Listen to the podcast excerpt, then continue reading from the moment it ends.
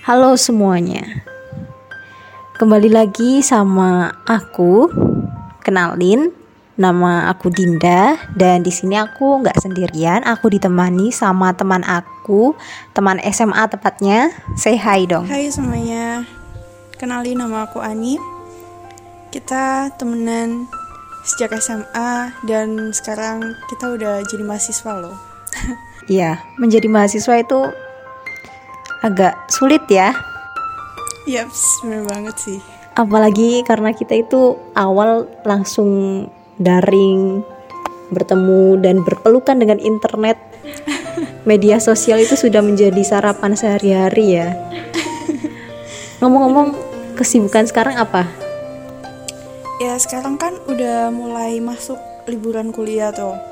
Jadi kalau di rumah sih kebanyakan main sama adik gitu doang, nemenin adik main sosmed, ngawasin adik main sosmed. Soalnya aku nggak bisa apa nggak bisa mencegah dan mengawasi dengan cara lain gitu. Jadi jalan satu-satunya sih nemenin gitu, biar nggak aneh-aneh di sosmed.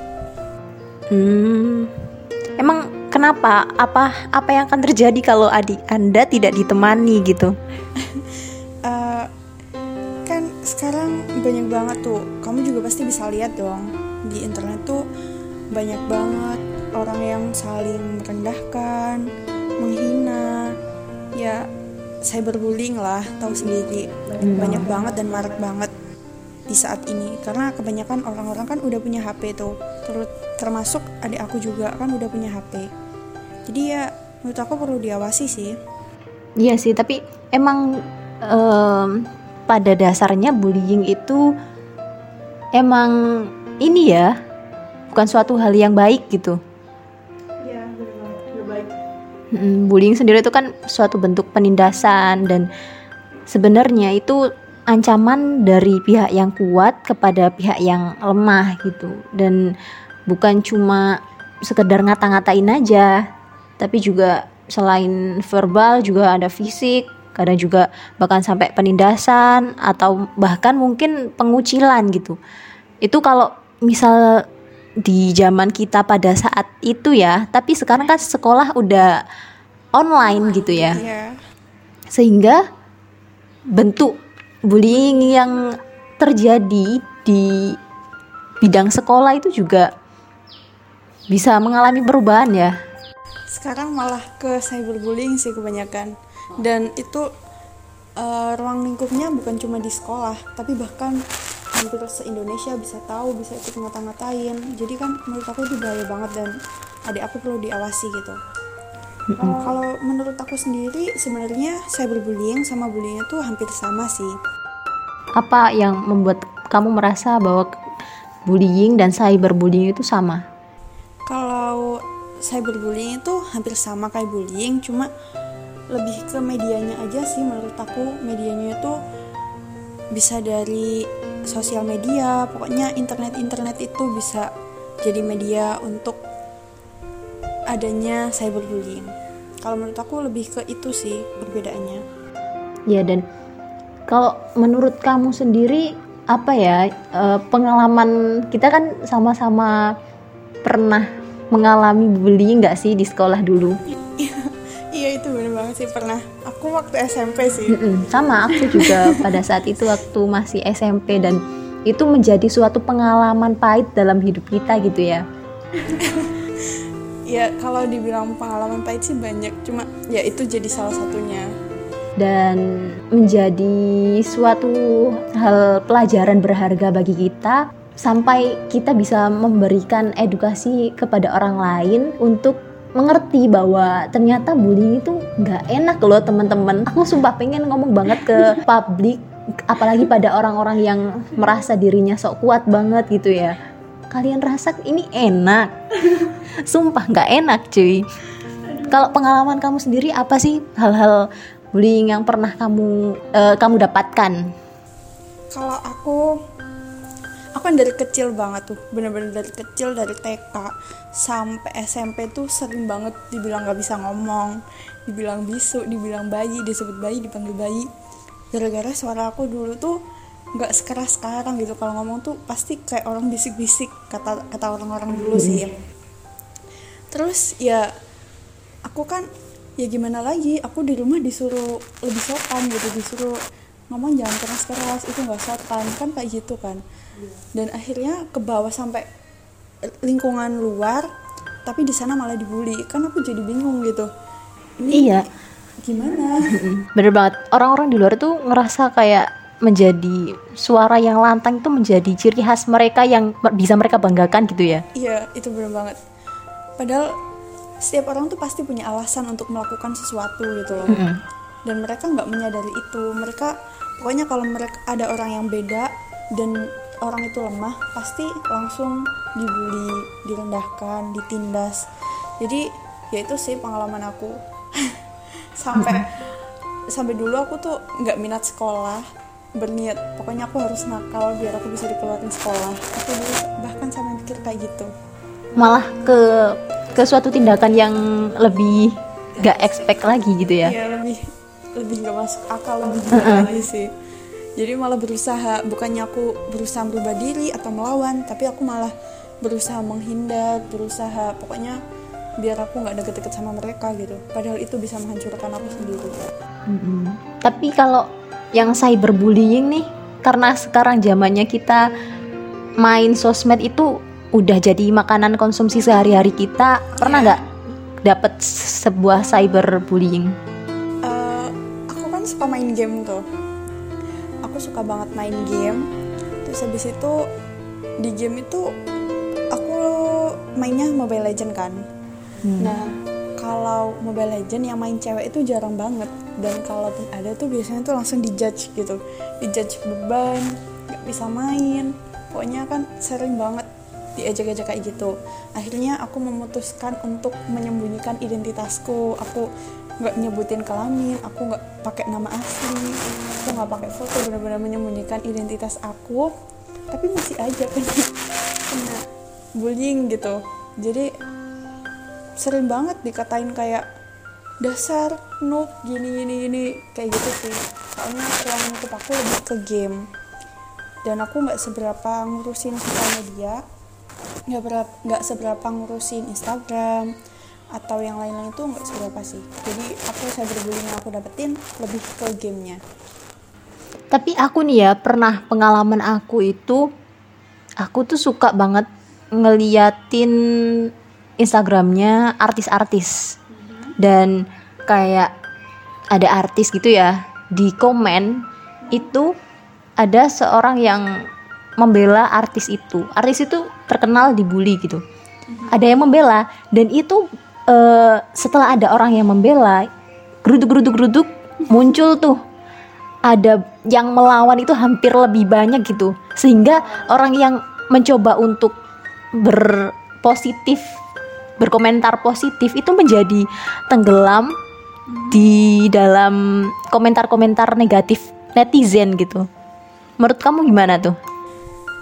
Kalau menurut aku ya pengamatan aku pribadi eh, orang-orang yang sebenarnya komentar-komentar orang tuh tergantung komentar awal. Loh kamu per- pernah merhatiin nggak sih kalau semisal artis-artis atau akun-akun di TikTok video-video di TikTok itu kebanyakan keseluruhan isi komen tergantung komentar awal. Pernah merhatiin nggak sih? Jadi kalau menurut aku sebenarnya orang-orang yang melakukan cyberbullying itu mereka nggak punya mental mereka tuh mentalnya ya biasa aja gitu. Kalau ada orang yang mengawali komentar buruk ya mereka pasti akan ikut-ikutan. Jadi kalau menurut aku banyak banyak atau dikitnya komentar negatif ke artis-artis itu juga ditentuin sama orang-orang yang komentar awal. Karena mereka sendiri pun pasti takut dijudge balik sih. Hmm, bener banget. Dan yang menjadi orang Indonesia banget ciri khasnya itu mereka itu suka ikut-ikutan gitu ya. Mereka tuh bisa dibilang nggak punya pendirian. Bener gak sih? Iya banget. Dan se perlu kita tahu bahwa entah itu bullying ataupun cyberbullying ini tuh sama-sama berbahaya gitu ya. Dampaknya itu pasti ada bagi orang yang dibully gitu. Ya pasti ada sih. Dan kalau menurut aku pribadi nih ya antara cyberbullying sama bullying di real life itu lebih bahaya bullying di real life tapi lebih kejam cyberbullying Kok bisa tuh? Gimana? Gimana gimana gimana? karena kalau bullying di real life orang-orang yang mendengar melihat melakukan itu pasti orang-orang sekitar kan di lingkungan sekitar dan nggak bisa untuk dihindari pasti bakal sulit banget untuk dihindari dan itu benar-benar menurunkan rasa percaya diri seseorang. Jangan kalau cyberbullying kan ah dia juga belum belum tentu tahu aku. Yaudah nggak apa-apa. Tapi kata-katanya pasti lebih kejam. Kadang bawa orang tua padahal nggak kenal gitu. Bawa orang tua bawa-bawa kayak tata krama kamu nggak diajarin ya? Kayak gitu. Terus kata-katanya tuh lebih ke kata-kata kasar. Sedangkan untuk yang bullying di real life itu ya pastinya untuk ke depannya kalau menghadapi orang kan orang-orang sekitar pasti juga ada gitu. Pasti akan terus ada kecuali benar-benar menghindar jauh kan tentunya di dalam benaknya tuh pasti muncul besok mereka kayak gitu lagi nggak ya ke aku? Besok aku dapat kebijakan lagi nggak ya? Mereka bakal ngikut-ngikut masalah aku nggak ya? Pasti kayak gitu sih kalau menurut aku. Jadi apa ya? Suatu kegelisahan tersendiri gitu bagi mereka. iya kayak gitu sih. Soalnya kalau aku pribadi lingkungan SMP aku sama SMA aku kan sama gitu ya. Dan temen-temennya itu hampir sama gitu. Terus akhirnya pas waktu di SMA tuh aku minder duluan. Nanti aku dipanggil bagi lagi nggak ya? Aku nanti kena bully lagi nggak ya? Aku kayak gitu sih. Jadi kayak overthinking duluan minder duluan kayak gitu dan itu alasan aku bilang kalau bullying di real life itu lebih bahaya. Sedangkan kalau saya berbullying kan bisa aja langsung hilang hapus akun. Udah orang sekitar juga belum tentu tahu gitu loh. Tapi pernah nggak dibully sama orang yang kenal tapi lewat sosial media? pernah sih. Tapi lebih tepatnya kayak sindir-sindiran. Mhm. habis itu tapi di real life juga biasa aja gitu. Kayak nggak ada apa-apa maka dari itu aku Bisa gitu ya? iya itu bener banget. Maka dari itu aku bisa bilang kalau bullying di real life sama cyberbullying itu beda. Karena ya gitu itu tadi cyberbullying kita udah kayak bacot-bacotan udah kayak eh, ngeluarin unek-unek kayak ngomong-ngomong kasar bener-bener kayak saling menghina gitu saling mencari kesalahan. Tapi tiba-tiba di real life kita juga biasa aja kita sama-sama diem aja kayak "Ah, ya udah gitu aja Pernah gak sih denger yang di TikTok yang mental patungan gitu kayak itu mengindikasikan banget gak sih? Itu ada di TikTok itu aku sering lihat jadi sound di TikTok dan itu viral. Tapi menurut Ani sendiri nih upaya menyelesaikan ini gimana? Supaya menyelesaikan kalau menurut aku sih lebih eh, ke orang tua ya kalau menurut aku soalnya orang tua itu sangat sangat berperan penting gitu pernah mikir nggak sih kenapa ada orang-orang yang bisa ngomong kasar bisa ngomong yang nggak sopan ke orang lain padahal nggak kenal pernah mikir nggak itu kenapa Pernah. Itu karena emang di rumah mungkin udah jadi suatu kebiasaan, udah jadi dididik seperti itu oleh orang tuanya gitu ya. ya menurut aku itu juga benar tapi yang lebih utama menurut aku sih kurangnya perhatian orang tua ya. Semisal anaknya dapat perhatian penuh dari orang tuanya pasti nggak sering-sering main sosmed nggak caper di sosmed nggak berusaha ngomong kasar biar direspon di sosmed gitu. Kalau menurut aku sih orang tua berperan penting banget sih. Orang tua ya bener-bener harus mengawasi. Kalau menurut aku untuk upaya pencegahannya ya orang tua tuh harus memperhatikan anaknya.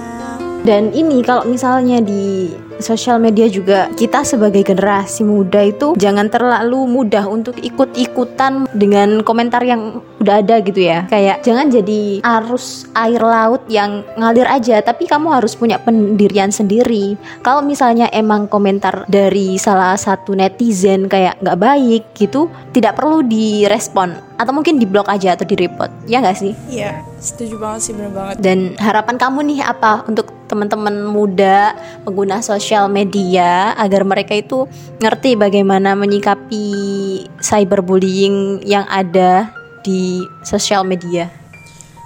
Harapan aku dan menurut pendapat aku nggak semua orang bisa sependapat sama kamu. Jadi jangan berusaha untuk mencolok, jangan berusaha untuk jadi pusat perhatian karena kalau kamu bisa ngebully orang lain juga bisa gitu loh. Kalau kamu nggak pengen dapat hujatan ya jangan mulai duluan. Jangan berusaha mancing emosi. Jangan berusaha untuk memulai pertengkaran. Kalau menurut aku kayak gitu sih. Ya bener banget. Karena setiap orang sama-sama punya perasaan dan jari. Iya. Dan jari masing-masing gitu. bener banget sih Oke, pembicaraan yang asik banget. Gak terasa udah 15 menit lebih. Mungkin cukup sampai di sini ya. Iya Terima kasih, Terima kasih udah ngobrol-ngobrol asik, bisa dapat ilmu yang bermanfaat banget untuk hari ini. Mungkin sekian dulu ya. Iya Oke, terima kasih dan sampai jumpa di lain waktu. Bye bye.